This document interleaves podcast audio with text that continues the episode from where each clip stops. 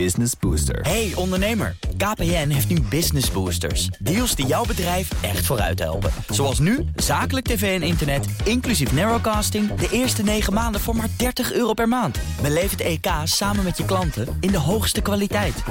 Kijk op kpn.com slash businessbooster. Business Booster. BNR Bouwmeesters wordt mede mogelijk gemaakt door Bouwend Nederland. De bouw maakt het. BNR Nieuwsradio. BNR Bouwmeesters.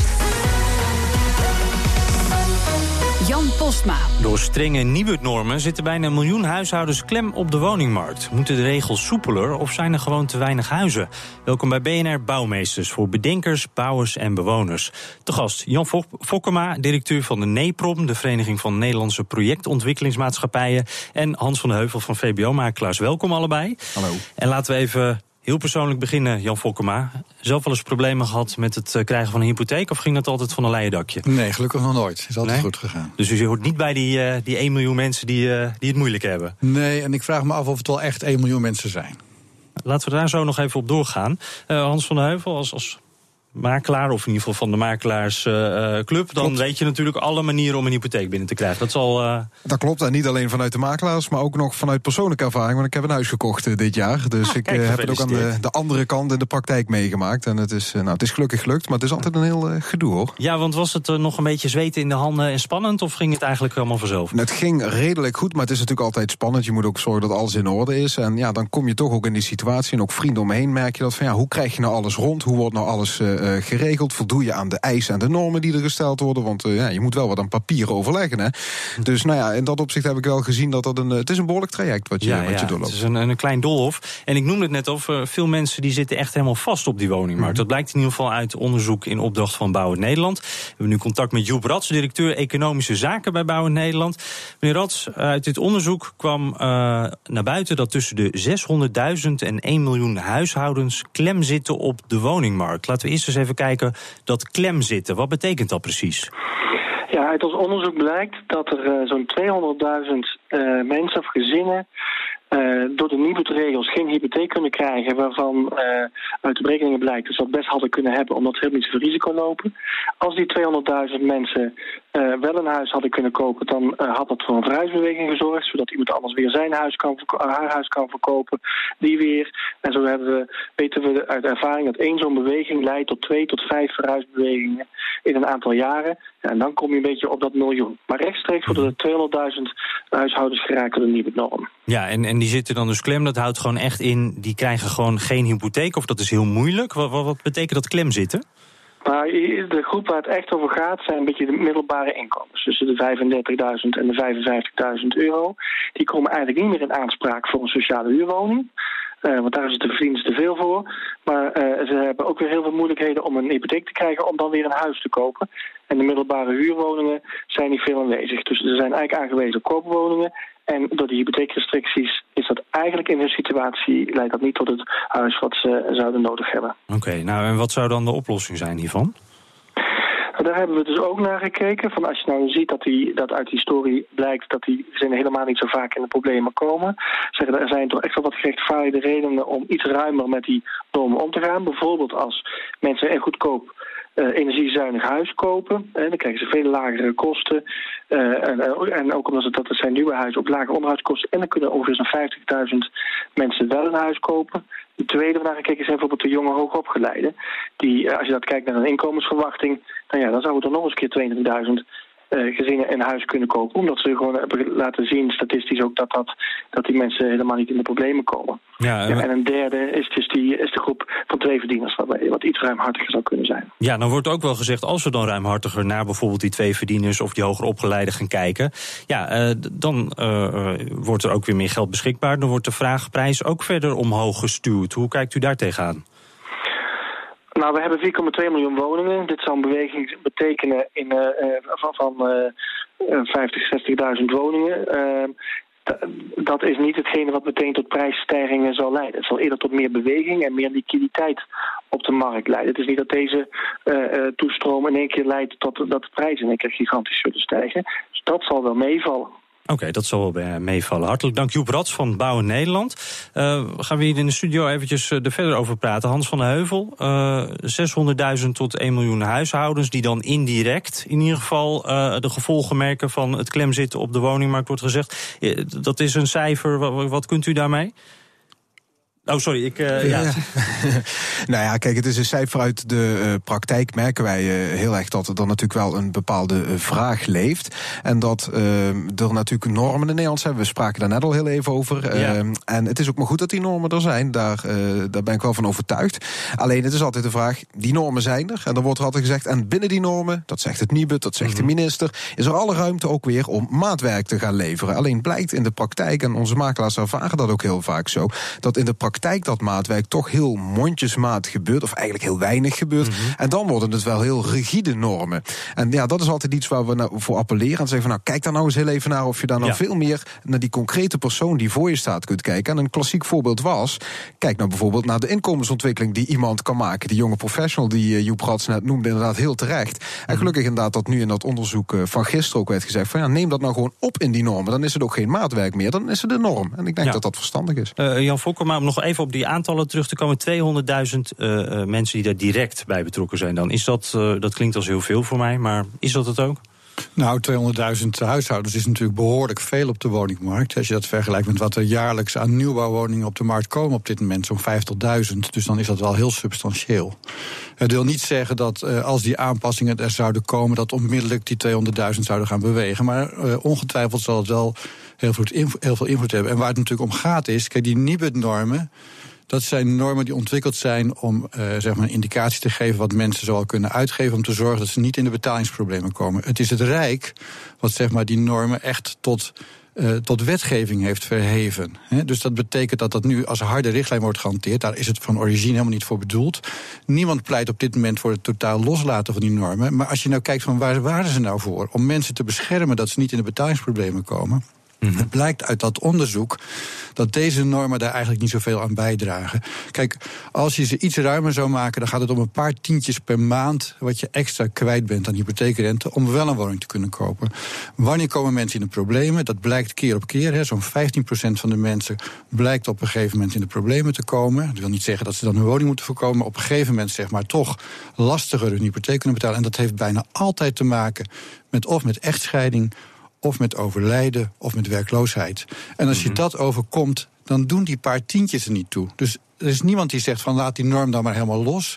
Maar zoals die norm nu is ingericht, is die eigenlijk veel te strikt, te betuttelend. En zou je zeker voor die middengroepen, die anders datzelfde bedrag gewoon aan hun huur kwijt zouden zijn. Hè? Dus ze mogen wel een woning huren, vaak nog tegen een hogere huur. En ze mogen datzelfde geld niet uitgeven aan een koopwoning. Ja, dat is vreemd. Ja, uh, inderdaad, er zit wat een rigiditeit achter. Het verschil is natuurlijk weer zegt, vanuit het Nibud bijvoorbeeld weer van een huurwoning kun je binnen een maand af in de meeste gevallen. En een uh, woning die je gekocht hebt is wat lastiger. Goed, is voor en tegen. Ik vind het goed dat het Nibud buffers inbouwt.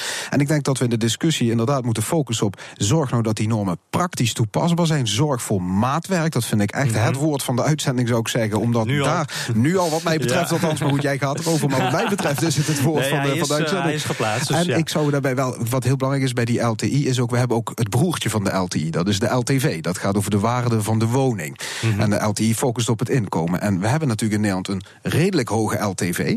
Uh, redelijk hoog kun je lenen in vergelijking met de waarde van je woning. En dat is goed. En die LTI zorgt er nou juist ook voor dat je dat ook in het buitenland verkocht krijgt. En dat ook er een enorm goede uh, aflossingsmoraal is in Nederland. Omdat we mhm. niet alleen focussen op de waarde van het pad, maar ook nog breder kijken naar die Nibud-normen. Dus die Nibud-normen zijn in dat opzicht juist van belang. Dus het is goed als we daar kritisch naar kijken, maar we moeten niet gaan ja. niet het bashen. We, gaan, uh, we moeten in ieder geval de accenten volgens mij wat anders leggen als ik het zo hoor. Laten we in ieder geval eens kijken hoe dit in de praktijk precies werkt. Uh, collega Thomas Schuurman die uh, zocht het uit. Eerst een praktijkvoorbeeld. Luisteraar Edward Broosens zei eerder op zender dat hij als student vanwege een lege portemonnee tijdelijk een lening van zijn bank niet netjes kon afbetalen. En dus een BKR-registratie. Nu heeft hij echter een goede baan, heeft hij zijn schuld afbetaald, maar krijgt hij geen hypotheek. Eigenlijk ben ik uh, een jaar eerder klaar dan het contract toeliet. Maar nog weigert de bank de A3-codering die ik heb weg te halen. De zwaarste aantekening die je kunt krijgen? Dat is eigenlijk een codering die, uh, die zegt over een persoon... luister, we, bij deze persoon valt niks meer te halen... Uh, we boeken het bedrag intern af. En doe je dus geen hypotheek. Tot vijf jaar na de laatste aflossing blijft de registratie bovendien zichtbaar. Jeroen de Boer van Business Insider schrijft over dit onderwerp.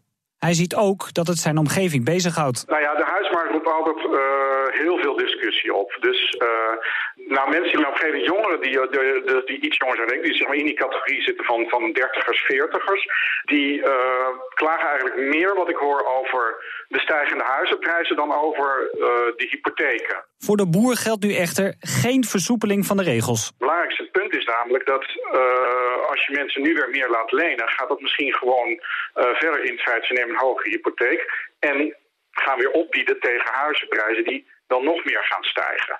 Dus uh, ik twijfel zelf of uh, zeg maar dit, dit middel uh, gaat helpen om starters aan een woning te helpen. Ik, ik kom nergens binnen. Ik kan met niemand een gesprek aangaan om überhaupt maar mijn financiële situatie uit te leggen. En te laten zien wat voor een betaler ik ben, hoe mijn financiële situatie is en wat voor lening ik graag zou willen hebben. Oh, je hebt een A3-codering, dan mag ik geen eens een gesprek ja, Hans van de Heuvel, uh, dit geval van meneer Broosens, die komt nergens binnen. Die mag niet eens uh, op gesprek komen. Uh, op wat voor manier moet de bank dat dan... Zou de bank dit ook anders moeten doen? Zou hier ook wat meer maatwerk geleverd kunnen worden? Ja, daar komt, daar komt het woord weer. Maar ik, ja, weet Je, het is ook een A3-codering. Weet je, het klinkt ook gewoon of je heel ernstig zo op je naam ik hebt staan. Ik heb begrepen dat dat ook wel een zware is. Ja, dat is een behoorlijk pittig. En dan is er ook wel iets gebeurd. Alleen is het dan altijd de vraag, ja, in welke tranche zit het nou? Heb je een keer je telefoonrekening onvoldoende betaald? Mm -hmm. Of op welk niveau zit dat? En ik denk ook, vijf jaar is lang. Er kunnen ook heel veel dingen gebeuren op vijf jaar tijd. En ja, in dat opzicht is dat weer een mooi voorbeeld van we proberen heel veel te regelen, we proberen heel veel zekerheden in het systeem in te bouwen. Maar soms is dan het systeem belangrijker geworden dan de, de mens of de, de praktische invulling. Ja. En daar zouden we dan weer meer op moeten focussen. Ja. Zeker. Jan Fokkema, aan de andere kant kan je ook zeggen, het is eigenlijk ook wel logisch na de crisis dat, dat banken uh, wat minder risico nemen. Ja, nee, uh, geheel mee eens. Uh, maar als je nou kijkt wat zet nou het meeste zoden aan de dijk, want we moeten wel constateren dat gelijk tijdens de crisis het kabinet een aantal maatregelen heeft genomen. Nou, een van die maatregelen was ook zeg maar, uh, dat je alleen nog maar je hypotheekrente kunt aftrekken als dat uh, minimaal annuitair wordt afgelost. En je ziet ook dat mensen die dat doen ook het minst in de problemen komen. En ook als je een aantal jaren hebt afgelost en er gebeurt een keer wat op de woningmarkt en de prijzen zakken, dan kom je niet onmiddellijk in de problemen. Je zit niet met je huis onder water. Dus eigenlijk is dat zeg maar, een manier die ongelooflijk veel stabiliteit brengt. En laten we wel wezen, als we kijken van hoe is het nou in Nederland gegaan tijdens die crisis, dan zijn er in Nederland maar heel erg weinig mensen daardoor in de problemen gekomen. dus dat dus het is goed om die risico's het viel wel een beetje mee uh, op dat punt dan? Nou, de crisis viel niet mee. Nee, en er maar... zijn echt veel mensen die hebben er behoorlijk last van gehad. Vooral natuurlijk ook omdat ze bijvoorbeeld hun baan verloren, daardoor mm. in de problemen kwamen. Maar we horen ook altijd toch, toch er wordt als een soort horrorverhaal wordt erop teruggekeken. Want dat was een hele moeilijke periode. Dat was een hele dat moeilijke niet periode. meer terug. Jazeker, jazeker. Maar dat komt, dat, nogmaals, door die nieuwe normen daar red je het niet mee. Dat gaat over een paar tientjes per maand. En als je in één keer je inkomen heel fors naar beneden ja, gaat... Help je dat niet? Help je dat niet. Het enige wat dan je zou kunnen helpen op dat moment... is dat je al een belangrijk deel hebt afgelost. En er waren best wel wat problemen, maar inderdaad, de aflossing is in Nederland op een relatief hoog niveau gebleven, ook in de crisis. En dat zegt inderdaad wel iets A over de betalingsmoraal van de, eh, de Nederlandse huizenbezitter. Ja, valt toch wel een beetje mee? Nou, behoorlijk, ja, kennelijk. Ja. Dus we, we, we, lenen veel, zeker als je ook een internationaal perspectief krijgt, maar we lossen ook veel af. En ja, dat is, dacht ik, een, een, een prima balans dan. Mooie relativering. Uh, ja, en het aantal huishoudens blijft gewoon groeien, maar het aantal huizen groeit niet hard genoeg mee. Hoe schakelen we de huizenbouw naar de volgende versnelling? BNR Nieuwsradio. BNR Bouwmeesters. Is voor veel mensen lastig om een geschikte hypotheek te krijgen. Maar zelfs als dat veel makkelijker zou gaan, zijn er dan eigenlijk wel genoeg huizen om te kopen? Hierover praat ik verder met mijn gasten. Jan Fokkema, directeur NEPROM, de Vereniging van Nederlandse Projectontwikkelingsmaatschappijen. En Hans van de Heuvel van VBO-makelaars. Eerst nog even terug naar uh, ons vorige punt. We hadden het nog even over uh, hypotheken. En iets wat we ook voorbij hoorden komen was... Uh, mensen met een energiezuinige huis... die zouden misschien ook een wat hogere hypotheek moeten kunnen krijgen... of wat makkelijker daarmee om laten gaan. Is dat een goed idee, Hans van Heuvel? Ja, ik denk dat dat een verstandig idee is... omdat de mensen simpelweg ook minder kwijt zijn. Dus dan is dat ook verstandig om dat mee te nemen in je normen. Wat ik daarbij heel belangrijk vind, en daar focus was VBO-makelaar altijd sterk ook op... is dat het is goed om in te zetten op energiezuiniger... en zoals kan zelfs in energie-neutraal en uh, heel belangrijke doelstellingen. Maar wij proberen dat altijd wel aan te haken en te combineren ook met woningonderhoud. Want dat is natuurlijk ook een heel belangrijk thema waar we mee te maken hebben. En als je die twee nou mooi met elkaar weet te vervlechten, dan denk ik dat je dat inderdaad in de normen mee moet nemen. Er mag daar een voordeeltje in zitten. Maar uh, we hebben het ook over de hoeveelheid huizen natuurlijk. Jan Fokkema, uh, hoe, staat er, hoe staat dat er op dit moment uh, voor? Zijn er nog steeds veel te weinig huizen? Zijn er een beetje te weinig huizen? Hoe, hoe moeten we dat zien? Nou, er zijn natuurlijk grote regionale verschillen. En het gaat er natuurlijk vooral om van kunnen we voldoende woningen toevoegen, voldoende snel bijbouwen. En ik wil toch even aanhaken op zeg maar het vorige item, hè, energiezuinigheid. Ja? Nieuwbouw is natuurlijk ongelooflijk energiezuinig. Hè, dus uh, nog eventjes en dan is dat al bijna energie-neutraal wat de nieuwbouw zal zijn. En het is zo dat je voor nieuwbouwwoningen op dit moment al ruim 9.500 euro extra hypotheek kunt krijgen. En zelfs als je helemaal energie-neutraal hebt, kun je 25.000. Dus uh, laat geen misverstanden, mensen moeten daar nou naar vragen, ja, want dat ja. kan. Maar die nieuwbouw, eh, daar, daar zouden we wel veel meer van moeten bouwen. We mm -hmm. hebben op dit moment met name in de grote steden... hebben we echt een tekort aan woningen. En dat is op dit moment, maar eigenlijk is nog veel zorgelijker... de toekomst over een aantal jaren. Ja, want, want uh, ik lees overal dan dat die trek naar de steden nog wel even doorgaat... Hoe moeten we dat dan gaan opvangen? Wat moet er nou gebeuren? Ja, nou kijk, we hebben toch nog een hele grote bevolkingsgroei de komende jaren. Met name groei in huishoudens. Hè. Er komen toch de komende 30 jaar nog zo'n miljoen huishoudens bij. En die zullen toch vooral in het centrum en in het westen van het land landen. Dus we zien toch ook een verschuiving vanuit zeg maar, de meer perifere gebieden naar de stedelijke gebieden. En dat betekent dus dat we echt nog een enorme opgave hebben om die woningen te, te bouwen. Die zullen voor een belangrijk deel in bestaand stedelijk gebied moeten. Maar daar zullen we niet de hele vraag mee kunnen oplossen. En een deel zal ook in nieuwe buitenwijken moeten. Nou ja, hoe dan ook, er moet gebouwd worden. Wordt er op dit moment echt niet snel genoeg gebouwd? Nou, de, op zich gaat het bouwen heel snel tegenwoordig. Daar hebben we ook wel grote stappen mee gemaakt gedurende de crisis. Maar we krijgen niet snel genoeg locaties zover dat we ze kunnen gaan bebouwen. En dat ligt mm -hmm. voor een deel aan dat het herstel zo snel gaat dat uh, gemeenten en marktpartijen niet snel genoeg capaciteit kunnen bijschakelen. Je moet rekenen, gedurende de crisis zijn bij projectontwikkelaars meer dan 60% van de mensen afgevloeid. Ja, die moet je dus nu weer in dienst nemen. Nou, dat gaat natuurlijk niet van de een op de andere dag. Gemeenten hebben eigenlijk hetzelfde. Je ziet daar ook soms een wat afwachtende houding. Hè, van mm -hmm. ja, blijft het nou zo doorgaan? Uh, we hebben misschien nog verlies op onze gronden. Dus je ziet ook bij gemeenten, de goede niet te nagesproken, maar lang nog niet overal, voldoende gevoel voor urgentie. om snel genoeg woningbouwlocaties gereed te hebben, zodat we ze kunnen gaan bebouwen. En daar moet er echt wel uh, meer tempo in gemaakt worden. Hans van de Heuvel, is dat, waar, waar kunnen we nou het meeste de, de, schuld even neerleggen? Voor de duidelijkheid, zijn dat nou de gemeentes, de, de bouwers, de ontwikkelaars? Nou, ik vind het lastig om dan één zwarte piet uit te delen. Ik denk, je hebt te maken met een hele keten aan uh, partijen. Maar, die... maar het moet ergens beginnen, toch? Ja, zeker kijk, en in dat opzicht dus uh, gisteren heeft uh, in de Tweede Kamer gesproken over de laatste begroting van deze minister van Wonen en Rijksdienst. En ik hoop in dat opzicht, als de verkiezingen dadelijk geweest zijn en er een nieuw kabinet komt, dat er hopelijk misschien weer een minister van Wonen en Rijksdienst, maar dan in ieder geval een minister die daar veel focus op heeft, in dat hele traject ook op te starten, dat die er komt. Want Nederland is ruimtelijk gezien, planologisch gezien natuurlijk een beetje een vol land. Dus het is heel lastig plannen. Er moeten heel veel partijen geschakeld worden, maar het is ontzettend belangrijk. En wat vanuit de ja, makelaars ook heel erg naar voren komt als je kijkt naar de vraagzijde, is er komen heel veel bijvoorbeeld eensgezinshuishoudens bij. Dat is echt een hele grote groei die komt. Mm -hmm. Dus je moet niet alleen focussen op de kwantiteit, laten we maar bouwen, bouwen, bouwen, maar laten we vooral heel gericht bouwen. Kijken daar waar dat nodig is. Kijken ook vooral wie het nodig heeft. Zodat we niet weer bouwen voor toekomstige leegstand, maar dat we echt gericht bouwen waar mensen willen wonen in een huiselijke omgeving die ook past bij die samenstelling van, de, van dat huishouden. Ja, dat is heel belangrijk. De, de, wat u ook zegt, de vraag en, en, en het aanbod dat die op elkaar aangepast ja, worden. Dat moeten we niet uit oog verliezen. Maar ik hoor u ook zeggen van, ik hoop dat er weer een minister komt mm -hmm. op dit onderwerp. Uh, en dat daar ook meer focus hierop ligt. Mm -hmm. Vond u dat minister Blok daar te weinig op gefocust was? Nee, minister Blok heeft denk ik op heel veel punten heel veel ingezet. En het is ook goed geweest dat er echt een gezicht was, zou je kunnen zeggen, van, van het wonendeel, beleidsmatig gezien. En minister Blok kan ook niet alles oplossen, want heel vaak wordt er ook doorverwezen, en dat is ook zo, naar gemeentes. Want heel veel dingen ga je regionaal oplossen. Moet je ook regionaal oppakken. Maar dan moet je wel beleidsmatig ook die stimulans inbouwen dat dat lokaal, regionaal ook goed opgepakt wordt. En daar ook echt de focus op komt te liggen. Dus ik denk nogmaals, er is goed werk verricht. Maar ja, het zou jammer zijn als we het daar dan nu bij laten. Want er zijn nog genoeg uitdagingen, onder andere in de nieuwbouw. Nu doorpakken. Uh, Hans van der Heuvel, hoeveel huizen moeten er nou bij komen de komende tien sorry, jaar? Jan Fokkema. Uh, sorry, ik zit steeds. Ja. ja. nou, de, de, komende jaren, kijk, we zitten op dit moment op zo'n productie van 50.000 per jaar. En we moeten echt wel boven de 70.000 willen we ervoor zorgen dat het tekort niet verder oploopt. En wat heel belangrijk is, hè, want wat vaak gezegd wordt, wonen in de stad. Dat is heel belangrijk. Mm -hmm. Maar dat zijn wel lastige processen. Grote locaties die je moet aankopen, die je vaak het milieu, zeg maar, sanering moet doorvoeren. Nieuwe infrastructuur kost heel veel geld.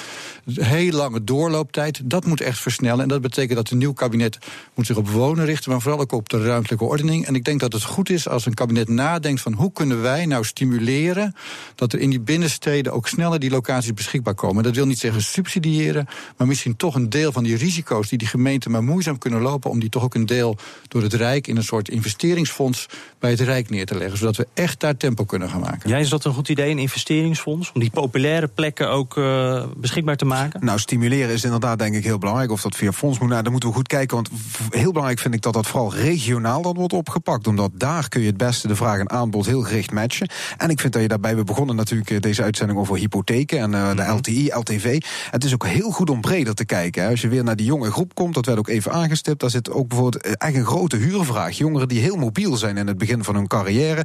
De, van het ene deel naar het andere deel in het land trekken. Dus uh, je moet niet alleen bouwen voor de koop, maar ook voor de huur. En die balans moet weer uh, terug, zodat opnieuw die behoefte van uh, de woonconsument centraal komt te staan en daar het aanbod in, in volgt. Kijk, die nieuwe minister krijgt het in ieder geval heel druk als hij er komt. Hans van Heuvel, dank van VBO-makelaars en Jan Fokkema, directeur van Neprom, ook hartelijk dank voor uw komst.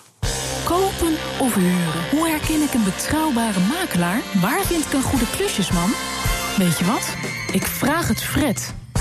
Het is weer tijd voor de bouwvraag van jou, de luisteraar. Aan Fred, onze verslaggever met Bouwhelm. De vraag van deze week, hoe krijg ik mijn buren met wie ik in de VVE zit... zover dat ze meer gaan betalen? Want met die lage bijdragers bouwen we helemaal niks op.